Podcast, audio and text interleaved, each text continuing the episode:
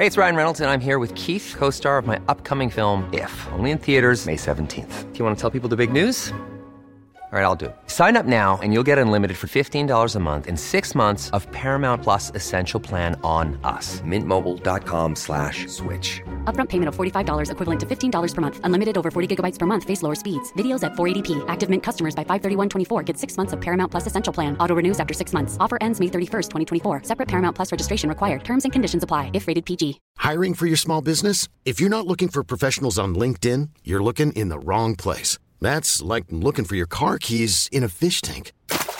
LinkedIn helps you hire professionals you can't find anywhere else, even those who aren't actively searching for a new job but might be open to the perfect role. In a given month, over 70% of LinkedIn users don't even visit other leading job sites. So start looking in the right place. With LinkedIn, you can hire professionals like a professional. Post your free job on linkedin.com slash achieve today. Wow. Nice. Yeah. What you're hearing are the sounds of people everywhere putting on Bombas socks, underwear, and t-shirts made from absurdly soft materials that feel like plush clouds. Yeah, that plush. And the best part? For every item you purchase, Bombas donates another to someone facing homelessness. Bombas. Big comfort for everyone. Go to bombas.com slash ACAST and use code ACAST for 20% off your first purchase. That's bombas.com slash ACAST. Code ACAST.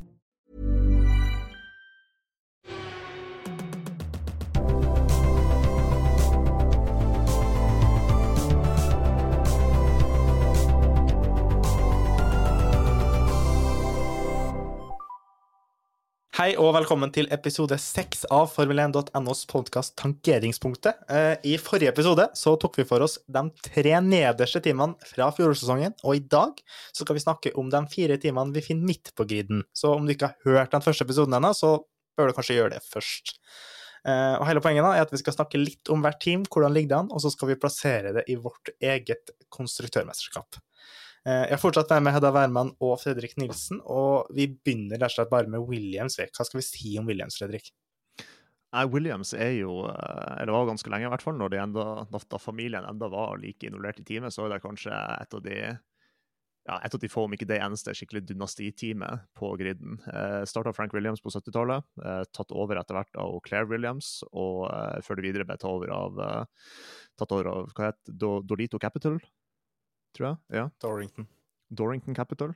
Eh, og eh, de har jo ja, slitt litt de siste årene, men nå er de på en liten oppsving. Og eh, ja, hvis jeg skal gjette, så tror jeg jo at de blir å gjøre det litt bedre enn i fjor igjen. For de har liksom hatt den der eh, stødige progresjonen siden 2021. De har gjort det litt bedre og litt bedre og litt bedre. Og Så jeg tror at de kommer til å gjøre det enda litt bedre.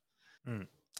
Eh, Du, Hedda, har jo på deg en Williams-genser for anledningen, så jeg trenger ikke å spørre om hva du håper på, da. Eh, Men, eh, men det er liksom, vi, vi har nettopp snakka om bunnfeltet, og hva som de snakket om der, og så er det nesten litt rart at Williams ikke er der. Nå er vi liksom oppe på midt på treet, og nå er på en måte Williams en del av, av den gjengen her, da, litt sånn over, over den nederste nivået.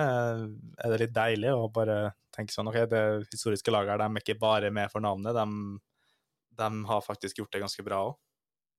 Ja, jeg syns jo det. Og det har vært veldig deilig, deilig å se at de, at de kommer seg litt oppover. Eh, og jeg har absolutt stor tro på at det, det er, er en grei oppoverkurve for dem eh, denne sesongen også, eh, tror jeg. De har jo med seg en fører òg, Alex Albon, som viser at han jobber godt med teamet og kjører godt med bilen de har, og tror nok at han kan være med på å eh, få dem enda litt høyere opp. Så ja, det lover godt. Det er jo da, Mye av det her har blitt ledet av James Wild, som nå er teamsjef, kommer fra Mercedes, og det virker på en måte som at han har innført ganske mye nytt i det teamet her, en ny måte å tenke på, en ny måte å jobbe på. De, de jobber jo på en måte et virker som det er et mye, mye lengre perspektiv nå, eh, og kan på en måte akseptere det at sånn sett òg, at kanskje ikke de i fjor og i år som blir de beste sesongene for at de skal nå lenger på lang sikt, da, men så har det jo likevel gått, gått ganske mye bedre. Um, og hvis vi ser litt på førerduoen, eh, så vil jo vi si at det er den mest spredte førerduoen. Eh, fordi vi har jo Albon som vi snakker om, han ryktes til Mercedes, han ryktes til Red Bull. Det er veldig mange som tror at han kommer til å gå videre etter denne sesongen, her, selv om han riktignok har kontrakt da, med Williams ut 2025. Og så på andre sida av garasjen så finner vi Logan Sargent, eh, og han kjemper jo egentlig mest om å holde seg på banen, og ikke minst i Formel 1. Eh, om vi begynner med Albon, da. Eh, hva tenker du om hans sesong i år, eh, Fredrik? Jeg tenker han har jo litt å, litt å bevise. Eh, Louis Hamilton skal jo til Ferrari til neste år, og det er jo et, en åpen plass i Mercedes der som egentlig hvem som helst på griden eh, virker som kan, kan, kjempe om. Eh, det har vært rykter om Alonso til Mercedes. Eh, det er også noen sterke rykter om Albon til Mercedes. Ikke minst en viss italiener ved Andrea Kimi Antonelli. Så jeg tror at det er en god del press på at han Albon skal, eller må ja, legge inn en absolutt solid sesong på CV-en for å eventuelt komme seg opp til, eh, til Mercedes neste år. Ja. Eh, altså det der med når du på en måte skal ha det presset rundt deg, det er sånn når folk snakker om Albon, så snakker de gjerne eh, om han i samme parentes som, uh, som Mercedes eller Red Bull eller egentlig alt annet enn Williams.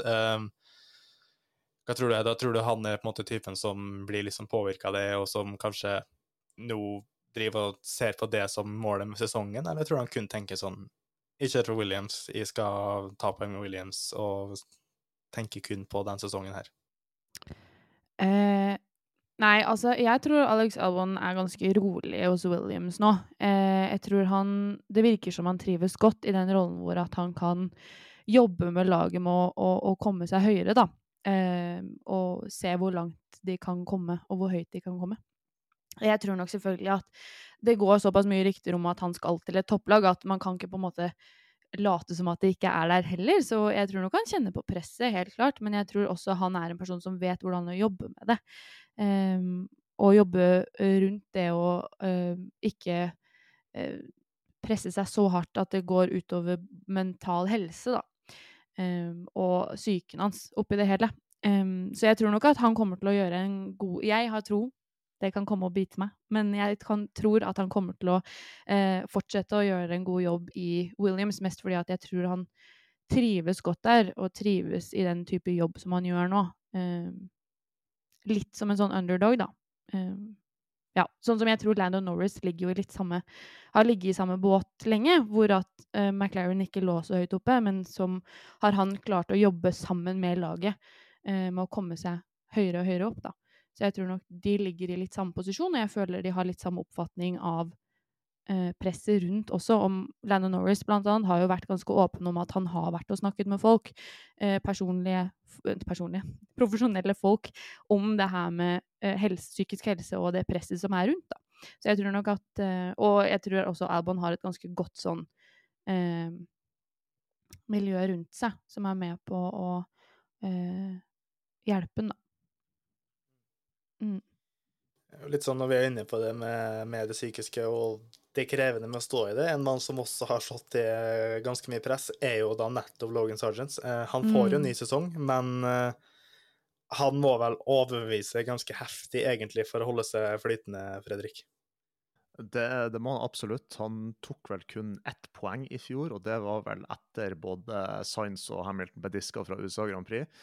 Eh, så det i seg sjøl er ikke akkurat veldig overbevisende. Og han var jo sleit jo litt i fjor, som du sa tidligere, med å holde bilen på, på banen. Og det å liksom trekke ut den ekstra performancen fra bilen når det, når det gjelder som, som, mest, spesielt under kvalifisering og løp. og han har absolutt alt å bevise egentlig for å beholde den plassen her. Og jeg tviler jo egentlig, som før sesongen har begynt, at han blir å beholde plassen i, i teamet. Ja, det er nesten sånn Det, det som frister å spørre om, eh, Hedda, det er jo det er egentlig ikke om Sargent overlever, det er hvor lenge overlever Sargent. Tror du han fullfører sesongen? Eh, ja, det tror jeg faktisk. Men det er fordi at jeg føler ikke at Williams har samme muligheten som det Red Bull hadde med Nick de Vries, for eksempel. Um, eller Red Bull er jo kjent for å drive på sånn, på en måte. Um, men jeg tror nok det, vi har en Det er jo litt samme situasjon som vi hadde med Latifi og Schumacher, hvor det er sånn det, det koster mer å ha dem på laget enn uh, hva det gir dem, da. Så jeg tror nok ikke han blir å beholde det setet spesielt lenge, nei. Men sånn som Has, de på en måte beholder han jo ut sesongen, men de skjønner jo at hvis det fortsetter, så har de jo ikke råd til å ha han der. Nei, fordi altså, om det altså for all del kan han overleve sesongen, og for all del kanskje han uh, gjør det kjempebra og fortjener motbevise Han har blitt, sikkert blitt at, kjempegod. uh, ja, sikkert. Mm. Eh, men, men det er noe ekstra med det rundt Williams nå, fordi det er utrolig mange aktuelle navn inn. Eh, du, har, du nevnte Andrea Kimi Antonelli. Eh, hvis, ikke han, hvis ikke Mercedes er så gæren at de tar han rett opp til Mercedes, så er det veldig aktuelt at han kan havne i Williams. Du har Nick Mick Schumacher som sitter på sidelinja, du har Fredrik Weste ikke minst som sitter på sidelinja, og han kan fort være en mann som kan hoppe inn underveis i sesongen òg, om det kreves. kreves. Uh, og i tillegg i Formel 2, du har Sekko Sullivan, du har Hauges Haugers lagkamerat uh, Franco Colapinto, som begge er Williams-juniorer. de har veldig mange muligheter til å prøve noe nytt, og da er det kanskje vanskelig å se for seg at Sergeant blir værende når han har levert sånn som han har gjort. Mm. Altså, det vil jo kanskje Altså sånn Hvis de Hvis Sergeant fortsetter sånn som han gjorde i fjor, eh, og man kan se det ganske tidlig, så vil jo det smarte være å ta inn noen nye. Det er jo på en måte den eneste løsningen på det problemet. Og øh, jeg er jo veldig for at Westi skal komme inn. Eh, så hadde, for min del så hadde det vært kjempefint hvis han eh, kunne fått den plassen midt ute i sesongen der. Eh, og det hadde jo vært veldig interessant å se Williams gjøre et sånn type bytte også. Eh, for å se liksom hvordan en helt ny person, person, eh, person kommer inn og, og tar den utfordringen. Da. Og Westi har jo på en måte vist i sine Formel 2-sesong, i hvert fall eh, i fjor, eh, at han har det som skal til. Han hadde flere topper gjennom sesongen eh, og er en veldig god og stabil fører. Og ja. Så han er nok et godt valg, synes jeg. Mm. Inn der. Hvis vi går liksom tilbake til sånn timer generelt, og ikke minst bilen, da, Fredrik. Um, I fjor så var de tidvis lynrask rett fram. Uh, så er jo liksom spørsmålet nå, da uh, Har de fått litt mer grep på dem uh, i de tekniske partiene også, tror du? Ja, vi får jo håpe det. Altså, så langt i testinga, så virker det jo som de egentlig er ganske på samme stedet som de avslutta forrige sesong på. Men de vet jo i hvert fall at de har en bil som fungerer veldig bra. Rett frem, har mye fart. Eh, eksempel på dette er jo f.eks. For i forfjor, da Nykterfris tok poeng på Monsa. Det er jo den bilen de på en måte bygger, bygger videre på. De har jo egentlig helt siden starten av hybridæraen hatt en bil som har veldig høy topphastighet. og jeg håper litt for deres del at de finner litt av grepet der. For det er jo sånn Man vet jo som regel at de blir å ha litt ekstra tempo på raske baner, men det har vært gøy om de hadde litt ekstra tempo på de mellomraske og de litt uh, tregere banene også, tenker jeg. Ja, det, det, blir jo veldig spennende å se, da. Eh, og så er det jo ikke minst da, eh, litt det her med Avhengig av hvordan Sargent gjør det, hvor mange poeng forsvinner hvis han liksom ikke klarer å tette det gapet til Albon. Eh, jeg tenker vi bare vi kan gå til å plassere dem på lista, uh, og den her er jo litt spent på. da. Hvor plasserer vi Williams da, i forhold til dem vi allerede har på lista? Bare for å ta det, så har vi da Has nederst, Sauber så, og så har vi Visa. Eh, Visa, RB, Keshef, kall det hva du vil. Eh, de er i hvert fall øverst per nå. Vil vi ha dem under eller over Visa? Rett under. Over, synes jeg. Men uh, vi kan putte de under. Da er det fort de som avgjør, og jeg, Ja. jeg vil ha Williams under Visa. Jeg tror at Mm. Visa kommer til å gjøre det bedre. What? Da blir det spennende å se det. Mm. Vi kan eh, gå videre. Vi Vi -hmm. har nådd et team som eh, Der Williams var litt sånn at oi, er de helt her oppe? Eh, Så er kanskje det teamet her litt sånn oi, eh, har vi kommet hit så fort? For det er alpin. Eh, De skal jo ønske å kjempe i toppen, eh, men i fjor da så endte de på en måte med en sjetteplass, litt sånn i, i ingenmannsland. Eh, Hva var ditt inntrykk, Fredrik, av, av teamets sesong i 2023? De har jo hatt litt sånn uheldig utvikling, nesten litt motsatt av Williams. Eh, Alpin, eller Renault, som de var frem til 2020, hadde jo en bil som i hvert fall i 2020 og 2021 var veldig rask rett frem. Eh, de var jo helt oppe og konkurrerte eh, om pole- og pallplass både på Spa-Francorchamps og Monza i de årene, men nå med det nye regelverket som kom eh, i 2022, så har de egentlig De har ikke helt funnet til den der eh, den sweet spoten rent performance-messig. Og som du sier, de ligger litt i ingenmannsland. Og jeg synes jo, hvis jeg ser tilbake på fjorårssesongen, så var det egentlig mest bare flaks at de klarte å stikke derfra med to pallplasser. Ja, fordi det er, liksom, det er liksom rart å snakke om, fordi alpin fremstår liksom litt sånn håpløs, men så ble det ble pallplass én uh, til hver da, til Ocon og Gasli, uh, som jo er gode resultat for, for førere som ikke har uh, riktignok en seier hver, men det er ikke sånn at de har flust med pallplasser, så det er jo positivt. Men, men sånn generelt så så det litt vanskelig ut. Uh, hva er din sånn første følelse da på, på alpin i år? Jeg syns alpin eh, Renault òg. Jeg syns det har vært litt, litt vanskelig lag å, å, forholde seg til. Eh, mest fordi at jeg forstår ikke alltid valgene de tar og sånn. Eh, mitt problem med alpino er egentlig den førerduoen de har. Eh, jeg syns det er en rar sammensetning av to førere. Fordi jeg syns for det første de er ganske like. Eh, når det kommer til hvor de ligger, og hvordan de har hatt sin utvikling i sporten.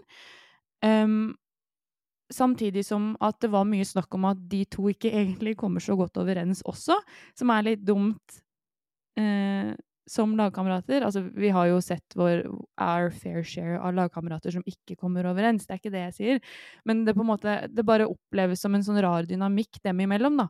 Eh, at det har vært liksom problemer med dem gjennom sporten tidligere, og så skal de nå havne sammen på lag, og så eh, er de jo på en måte eh, venner og ja. Eh, jeg syns det er eh, eh, interessant, og jeg, jeg, har ikke helt liksom de blir liksom like anonyme for meg, selv om de ligger høyere opp, som det Alfa Romeo var i fjor. Så har de på en måte havna litt på samme bølge der, hvor at jeg er sånn Det er et lag på griden, og det vet jeg, men jeg forholder meg ikke så mye til at de er der, og det er kanskje litt dumt, men det er på en måte der de har havna for meg, da. Mm, på en måte. Jeg er, jeg er veldig enig, for jeg har sett Drive to Survive den nye sesongen, og da eh, har de altså da prestert å lage to episoder om alpin. To av ti. Hæ? Og det, wow. det syns jeg er altså en så imponerende prestasjon at jeg vet egentlig ikke helt hvor jeg skal begynne. Eh, spesielt når ikke Max og Chappen har en eneste episode, men det er jo en annen historie. Eh, men, ja, jeg, jeg følte at den var, den var, veldig anonym. Eh, det var litt som funka, det var mye styr sånn uh, i toppen. Uh, opp mot Safnhammer forsvant jo, det har vært litt bytting av direktører her og der. Um, ja, det, det, virker jo litt sånn rotete i det hele. Og så er det også en annen ting, da, for det liksom gjør at det, det ser litt sånn vanskelig ut for dem å på en måte komme, litt, komme seg lenger opp, da. Og det er motoren. Eh, den viser seg at den yter rett og slett bare dårligere enn konkurrentene. Eh, x antall hestekrefter. Og da er det jo ganske vanskelig å prestere, da, når eh, reglementet der er fryst i to år til. Ja, det blir jo snarere tricky, for at Problemet da er at da kan man jo selvsagt lage en bil som har mye mindre luftmotstand, og ofre grep, men grepet trenger de jo, så da taper de jo på det. Og det er liksom det er en veldig vanskelig balansegang for alpinen å forholde seg til når uh, motoren eh, presterer litt dårligere. Eh, jeg vet ikke om de har flere av de såkalte tokensene å bruke. For de har vel sånn De, de brukte vel én for pålitelighet, tror jeg. Ja, det har jo egentlig vært snakk om at de må få et slags fritak for å gjøre litt med motoren, om det ender med at de har fått det, eller det har de egentlig ikke fulgt med på, men men jeg tror liksom ikke de har ikke så mye å gå på med mindre Fier går inn og sier «Øh, vet du hva, dere skal få lov til å, å booste motoren litt, så blir, dere blir konkurransedyktige. Men, men, det er jo ikke bare å, bare å få en sånn tillatelse heller. Nei, nei, det, det, er absolutt vanskelig. Og ja, altså sånn, bilen virker jo som den er ganske grei på de, de tregeste av de trege banene. Eller litt mer tekniske, type Ungaroring, Sandfort, Monaco. Du har jo blant annet i, på Sandfort og i Monaco at de tok de to pallplassene. Men med en gang man kommer til typ Monza eller Las Vegas eller Spa, så er, liksom, er de på bakfoten. Og det er jo egentlig ganske mange baner som har ganske lange rettstrekk, og da taper de jo enormt. Og det har de egentlig ikke råd til i løpet av en hel sesong. Nei, um, og så er det jo litt som, som du nevnte, Hedda, det her med at uh, førerdoen er liksom For det første så komplementerer det kanskje ikke hverandre. Det er liksom like typer. De er kanskje de er cirka like gode. De har ikke akkurat vært bestevenner før. Og sjøl om eh, jo begge to har blitt en del år eldre nå og kanskje er flinkere til å samarbeide, så er det klart at når ting ikke funker, og hvis det her da blir en vanskelig sesong for alpin, så er det vel fort gjort at eh, ja, det blir litt intern strid eh, der. Ja, det blir jo en utfordring, i hvert fall. Eh, det er i hvert fall det jeg har syntes har vært litt vanskeligst med det laget. At det er egentlig ingenting å ta av på disse førerne. at, som du sier, de komplementerer ikke hverandre. Eh, som på en måte kan være mye av grunnen til suksess da, for et lag. At man har to gode førere, men samtidig som klarer de å jobbe godt sammen også som lag.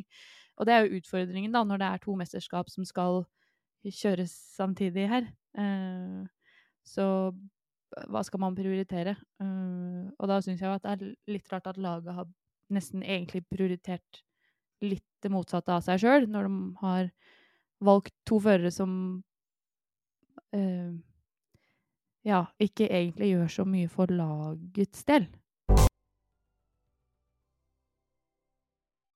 Nei, hva tenker du, Fredrik? Sånn, tror du de kommer til å holde på å si, vokse til å være bestevenner, eller tror du det blir vanskelig i år? Ja, det er jo litt forankra, det at de ikke er helt bestevenner fra før de ble teamkamerater.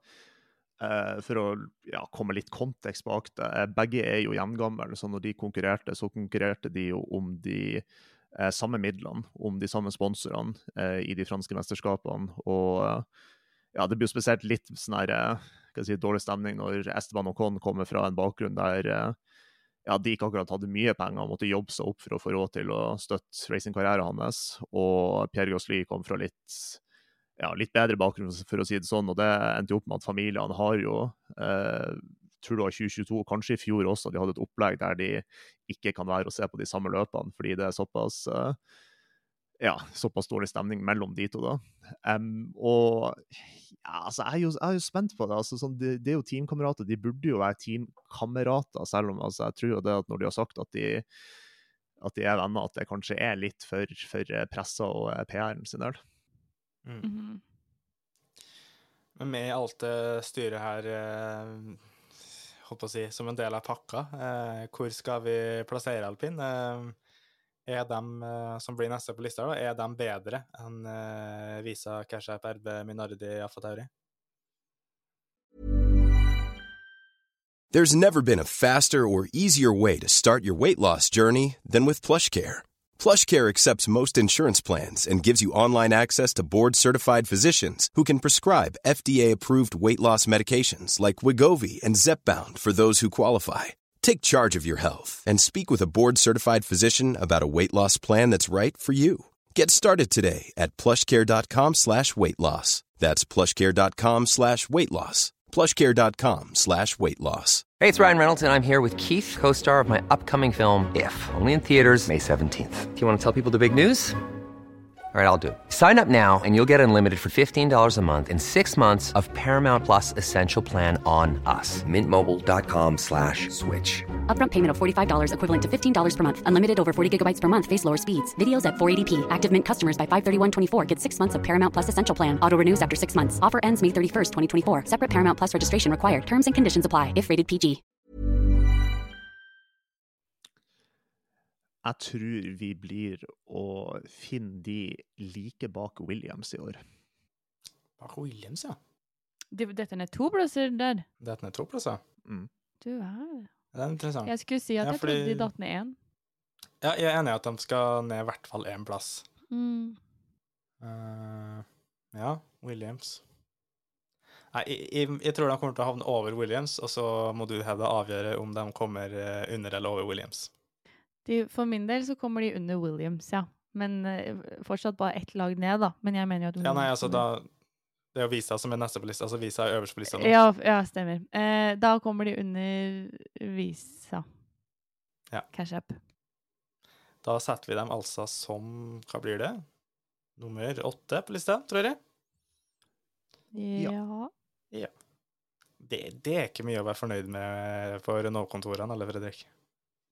Nei, absolutt ikke. jeg, tror ikke jeg tror ikke de blir veldig fornøyd når de setter på nyeste episode av Tangeringspunktet og hører det her. Nei. Et, jeg skulle dra i gang en fransk aksent, men det tror jeg vi sparer til en eh, fremtidig episode.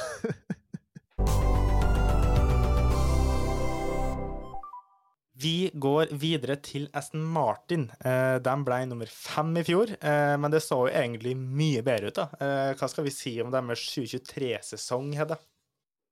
Eh, Fernando Alonso tror jeg kanskje vi bare trenger å si om den, så er vi good. Flott, da går vi videre. Eh, ja. Ja. Nei, men altså, det var jo det var jo imponerende, det comebacket Mm. som, som vi så. Altså, det var jo, nå er det snart bare én, da. Det var ingen som forventa å, å se Aston Martin helt der oppe i fjor. Eh, nå er vi der snart igjen, men ja. Eh, hva, hvordan syns du det var å følge Aston Martin sånn i starten i fjor? Eh, Jeg syns jo det Altså, Martin er jo også et lag som jeg egentlig kunne ha fulgt med på fordi at Sebastian Vettel var der og sånn. Så utover det så har det ikke vært så interessant for meg. Men nå, den sesongen i fjor var jo på en måte kom som en sånn Oi, hei, der var dere, ja, ikke sant? Og Fernando Alonso klarer å få det ut av den bilen. Det er jo kjempebra. Daggeren. Må holde et lite ekstra øye med det laget her, liksom. Og jeg syns jo ikke akkurat at Stroll gjorde en helt sånn ræva jobb heller. Eh, så de har jo tydelig fått noe til å funke der, da. Og det er gøy. Ja, eh, og sånn, Vi skal komme litt mer tilbake til liksom, forvirrende skjold og sånn, men, men hvis vi bare holder oss litt på sesongstarten i fjor, da, eh, så må vi altså ikke glemme det at Stroll kom jo tilbake fra det her eh, håndleddsbruddet. Eh, og kjørte jo med ganske mange smerter, eh, og gjorde det likevel bra. Eh, og, og den derre holdt på å si, liksom vinglete starten på sesongen, den slipper han i hvert fall å forholde seg til, til noe i år. At vi får i hvert fall en helt sånn fit uh, stroll inn. Uh, Mm. så det er jo en fordel da, nå i år i forhold til i fjor, når han på en måte kanskje ikke helt kunne utnytte da, hvor god den bilen var fra start. Mhm.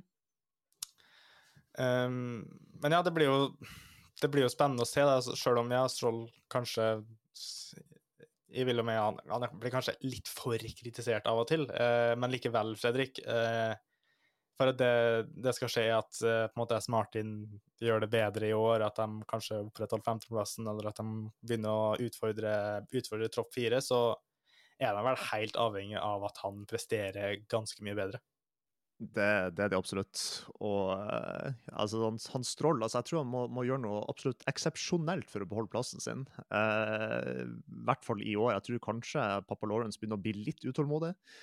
Og det skal jo sies det at Aston Martin skal jo eh, kjøre i langdistanse-VM til neste år med deres Aston Martin Valkyrie, så eh, kanskje det blir taktisk å flytte Landstroll over dit for å lede dette, og likevel ja, måtte ha han i Aston Martin-familien, selv om Aston Martin er jo familien. Eh, Men altså, Stroll har jo den evna til å dra ut helt syke prestasjoner fra ingen sted. Altså, hvis vi ser tilbake på den der eh, kaoskvalifiseringa i Tyrkia på en våt, oljete og glatt bane, der han klarer kanskje en av de ja, mest trikke pole positionene som man har sett på mange, mange, mange år. Så altså, hvis han får til noe sånt i år, på ett eller annet løp, så tenker jeg at da legger han i hvert fall inn en god CV for, eh, for å beholde setet enda et år til. Men eh, jeg tror det skal godt gjøres.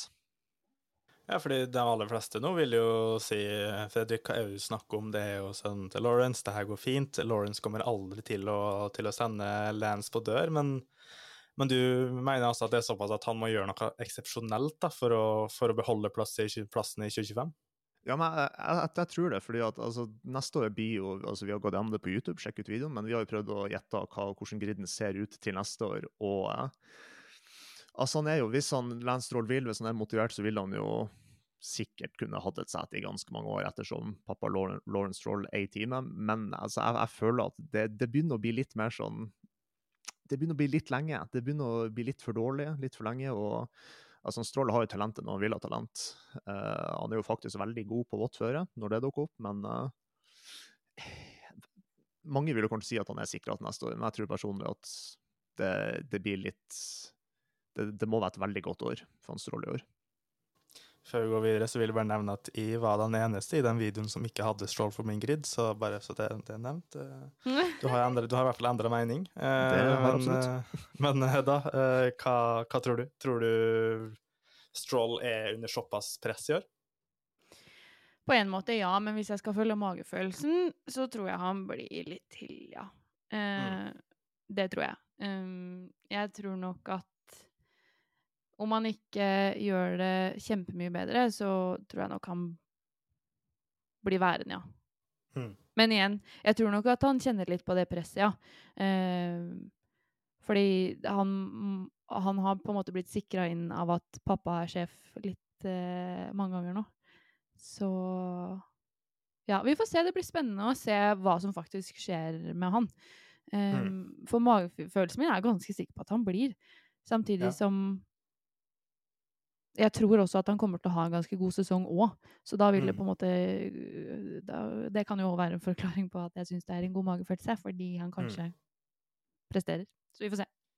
Jeg jeg er litt enig der. at altså, Selv om Lance Stroll hadde ikke en god sesong i fjor, det er det ingen som må påstå. og Egentlig så må du tilbake til Racing Point for å finne sånne gode prestasjoner. Men både tidvis i juniorkarriere og i starten av Formel 1-karriere så hadde han en god del gode prestasjoner. Jeg tror det har blitt litt sånn for populært bare å hate på Stroll, fordi det er veldig enkelt. Det er pappagutt, og det er åpenbart at han bare får den plassen kasta etter seg. Men jeg tror faktisk at årets sesong kan være sesongen der han er litt nærmere Alonso, der han er litt jevn, der han kanskje drar med seg et par pallplasser. Altså, jeg, jeg tror han har det i seg. Eh, Det er ikke sånn at han er helt håpløs. Han har vist før at han har et godt nivå inne. og nå når eh, på en måte det nye regimet i Aston Martin har fått jobbe et par år, og man har liksom blitt vant til den bilen her, så, så skal vi ikke se bort ifra det, altså. Nei, og så skal man jo ikke legge skjul på at han har en veldig god læremester ved sin side òg, da. Så han har jo en person som kan komme med ganske gode, greie tips til.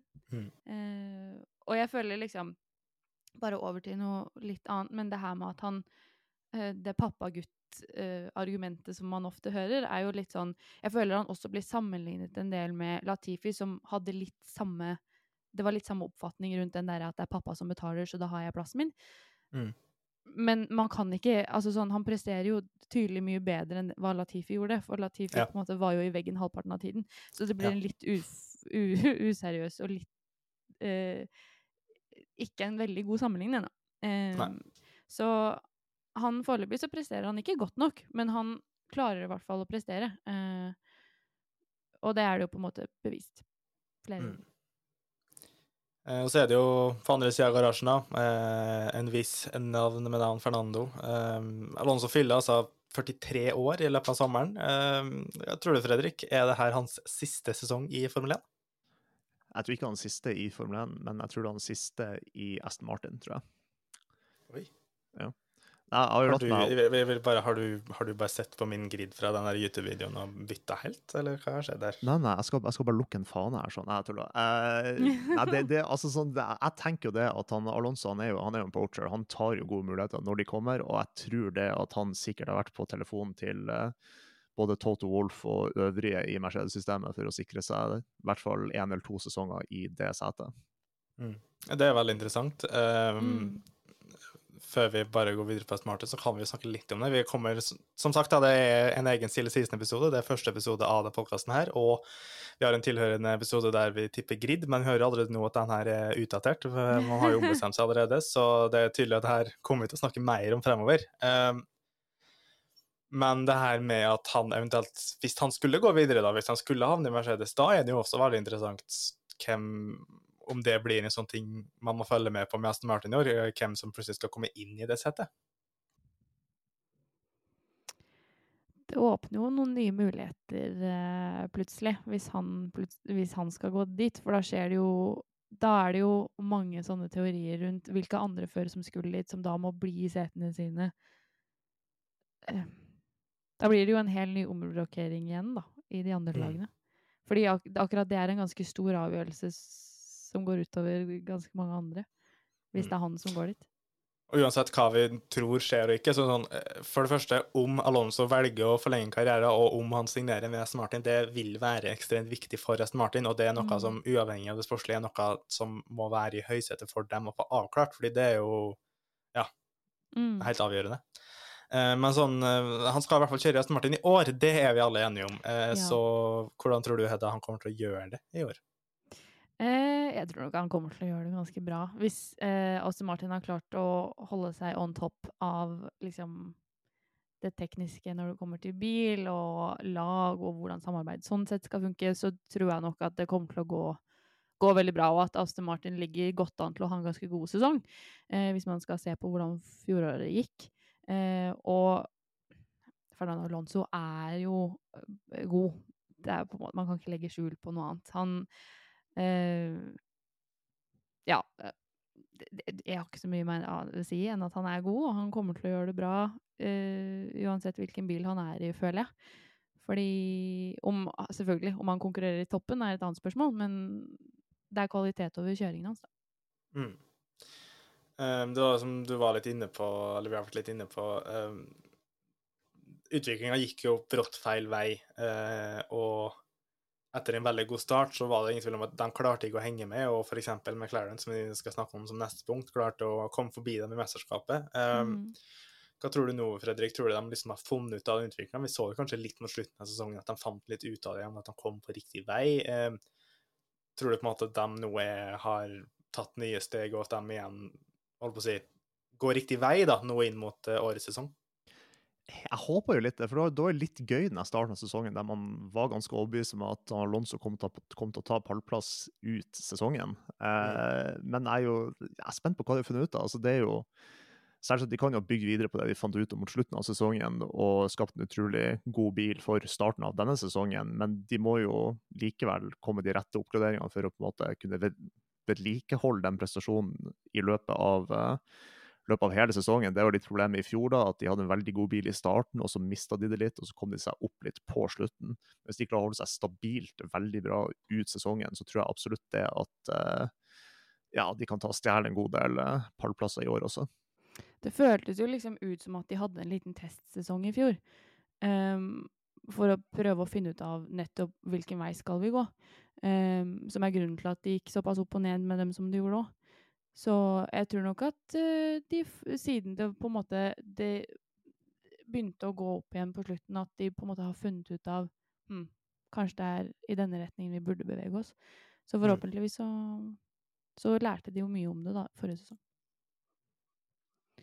Ja, da blir jo spørsmålet da, da, hvor plasserer vi dem i vårt konstruktørmesterskap? Havner de under eller over eh, Visa Kesha Perme Minardi Tore Rossa for Tauri? jeg tror kanskje at de kommer over. Fredrik? Over. Da er vi enige om den, så det er greit. Eh, De er foreløpig da, nummer fem på, i vårt konstruktørmesterskap, men så skal vi gå videre, da. Vi har kommet til det siste teamet i denne episoden, og det er McLaren. Eh, De ble nummer fire i fjor, og og da, som vi regner da som den, eh, de øverste i midtfeltet, eller the best of the rest, um, i 2023. Og ja, de snudde jo skuta litt da, på imponerende vis, men det starta jo ikke så veldig bra, Fredrik. Eh, Vi hadde jo ikke så troa på dem rundt Bahrain i fjor. Nei, eh, og de har jo hatt en trend, eh, eller trend og trend, i hvert fall i 2023 og 2022, at de starta utrolig dårlig i Bahrain før de må ende opp med å snu, eh, snu skuta. Men i år har jeg litt mer trua på at de eh, fortsetter den positive trenden. De avslutta sesongen med på, på altså, De avslutta veldig bra i fjor, fikk en god del pallplasser, eh, både på Norris og Oskar Piastre.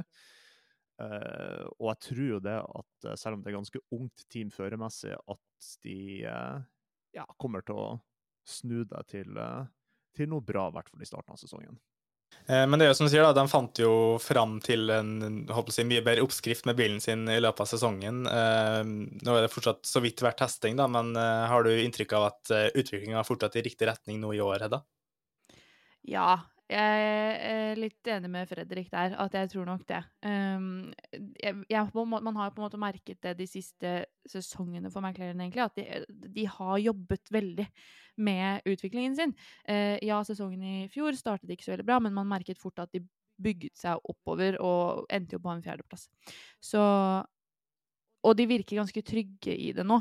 Uh, både Oscar Piastri og Landon Norris virker veldig sånn komfortable i i, i testingen, da, i hvert fall i intervjuene som har vært nå i det siste også, at de er ganske sånn mm, Dette lover godt, på en måte. Motsatt av hva Has har drevet og sagt. Uh, så uh, jeg tror nok at det, vi får se mye av McLaren nå. Og jeg har jo altså håpet egentlig i fjor at Lando Norris skulle få sin aller første seier i Formel 1. Det skjedde jo ikke, men uh, det ligger på bingokortet mitt i år også.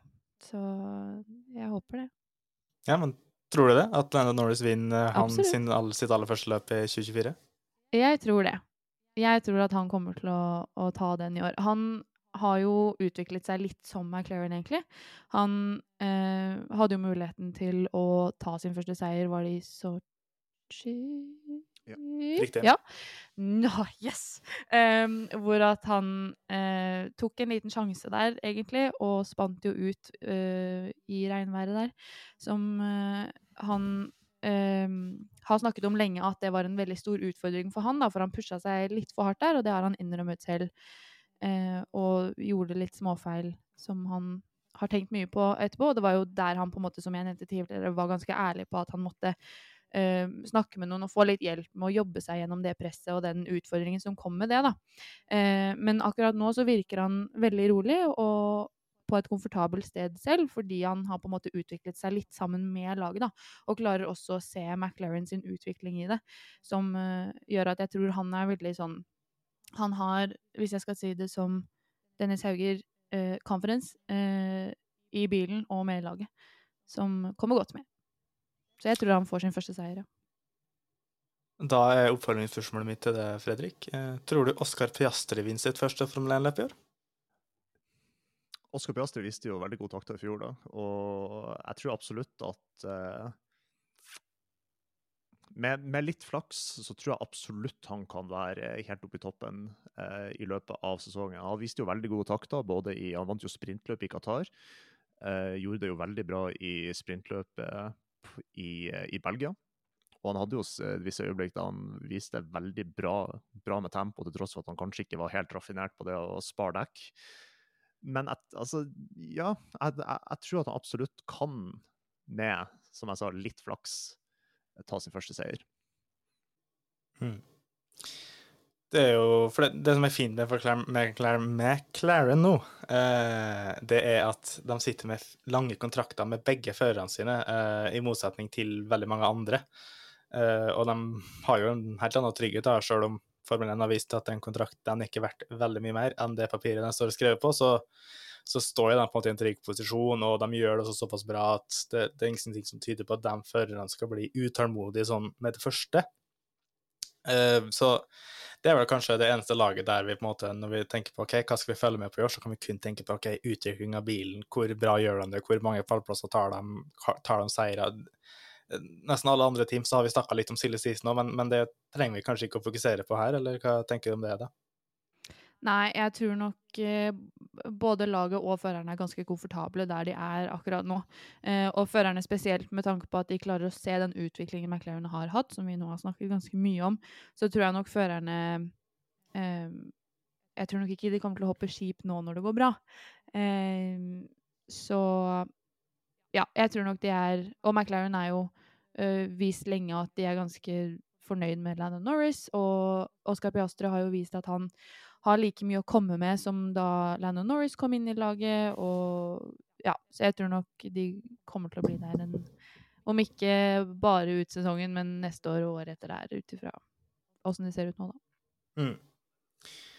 Eh, og så er det sånn vi, jeg føler jo vi kommer mer tilbake til sånn, hvor bra gjør, kommer de til å gjøre det når vi skal, vi skal snakke litt uh, om dem i forhold til teamet som kommer i, i neste episode. Men blir det da, Fredrik, kanskje mest interessant det her å se på den, den interne kampen, da, eh, om Landon Norris klarer å holde igjen for Oscar Piastri, eller så, hvor stor forskjell er det egentlig mellom dem?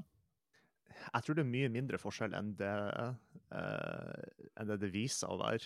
Um, det var jo typ sånn i enkelte løp i fjor, da, sånn, pga. at han Piastri hadde litt problemer med å ta vare på dekkene, fikk man nesten en litt sånn naturlig første-andre-fører-skille mellom de i løpet av løpet, da Norris klarte å si, kjøre bilen mer optimalt med tanke på å balansere både tempo og, eh, og dekksparing. Men i Astrid har lært mye, og jeg tror det at han kommer til å gi han Norris en god del mer kamp i år for, eh, for posisjoner enn det han gjorde i fjor.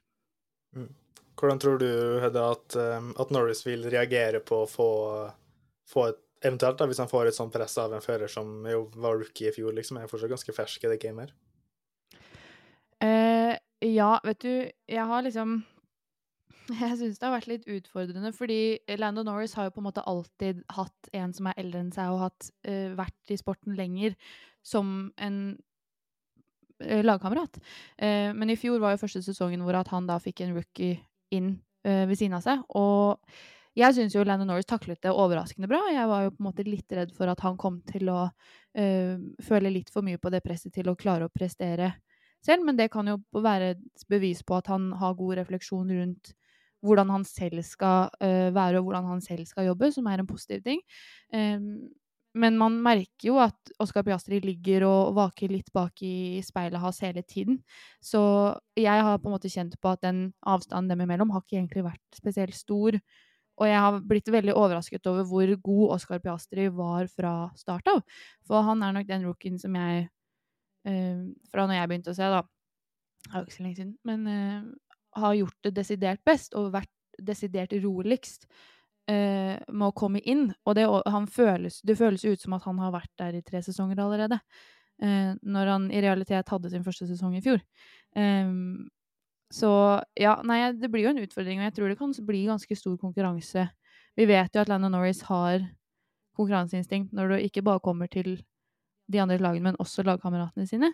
Eh, god stemning og, og, sånn, det er ikke det, men det er jo konkurranse der. Eh, så jeg tror nok det kan bli en utfordring for dem, ja. Eh, om Oscar Piastri plutselig sniker til seg den seieren føre, for eksempel. Så ja, det blir spennende å se, se hva som skjer med den, den duoen der. De har gode, to gode førere som eh, begge ligger an til å ligge i topp. Mm. Han tok jo til slutt igjen Aston Martin i fjor da, og fullførte som eh, nummer fire. Eh, tror du at de kommer til å fullføre foran, eh, foran Aston Martin også i år, Fredrik? Jeg tror Hvis jeg tar utgangspunkt i hvordan, hvordan, sesongen endte i fjor, så tror jeg at McLaren blir å, eh, blir å ta Aston Martin i år i mesterskapet. Men hvis Aston Martin klarer å trylle, noe, trylle, trylle frem en like god sesongstart som de hadde i fjor, så tror jeg absolutt det kommer til å bli jevnt. Eh, i løpet av sesongen. Men til syvende og sist tror jeg at McLaren blir å havne foran Aston Martin. Hva tror du er det? Jeg tror også de havner foran Aston Martin.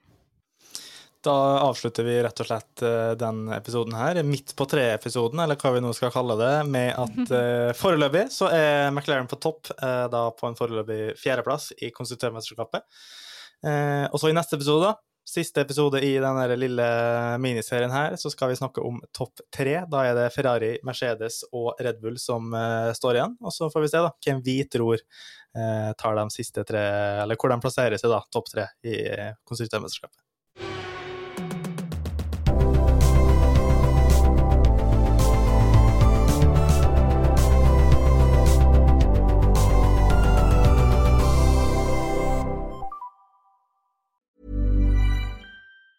The secret to visibly firmer, summer ready skin is here. Osea's number one best selling Andaria Algae Body Oil. Clinically proven to instantly improve skin elasticity and transform dull, dry skin to silky, soft, and unbelievably glowing. Rich yet never greasy, Andaria Algae Body Oil is formulated with sustainably sourced seaweed to help replenish the skin's moisture barrier and seven nourishing active botanical oils for results you can see and feel all over. The best part? It's signature scent. A blend of freshly squeezed grapefruit, cypress, and mango mandarin transports you to sun kissed summer days. This all natural scent is unforgettable.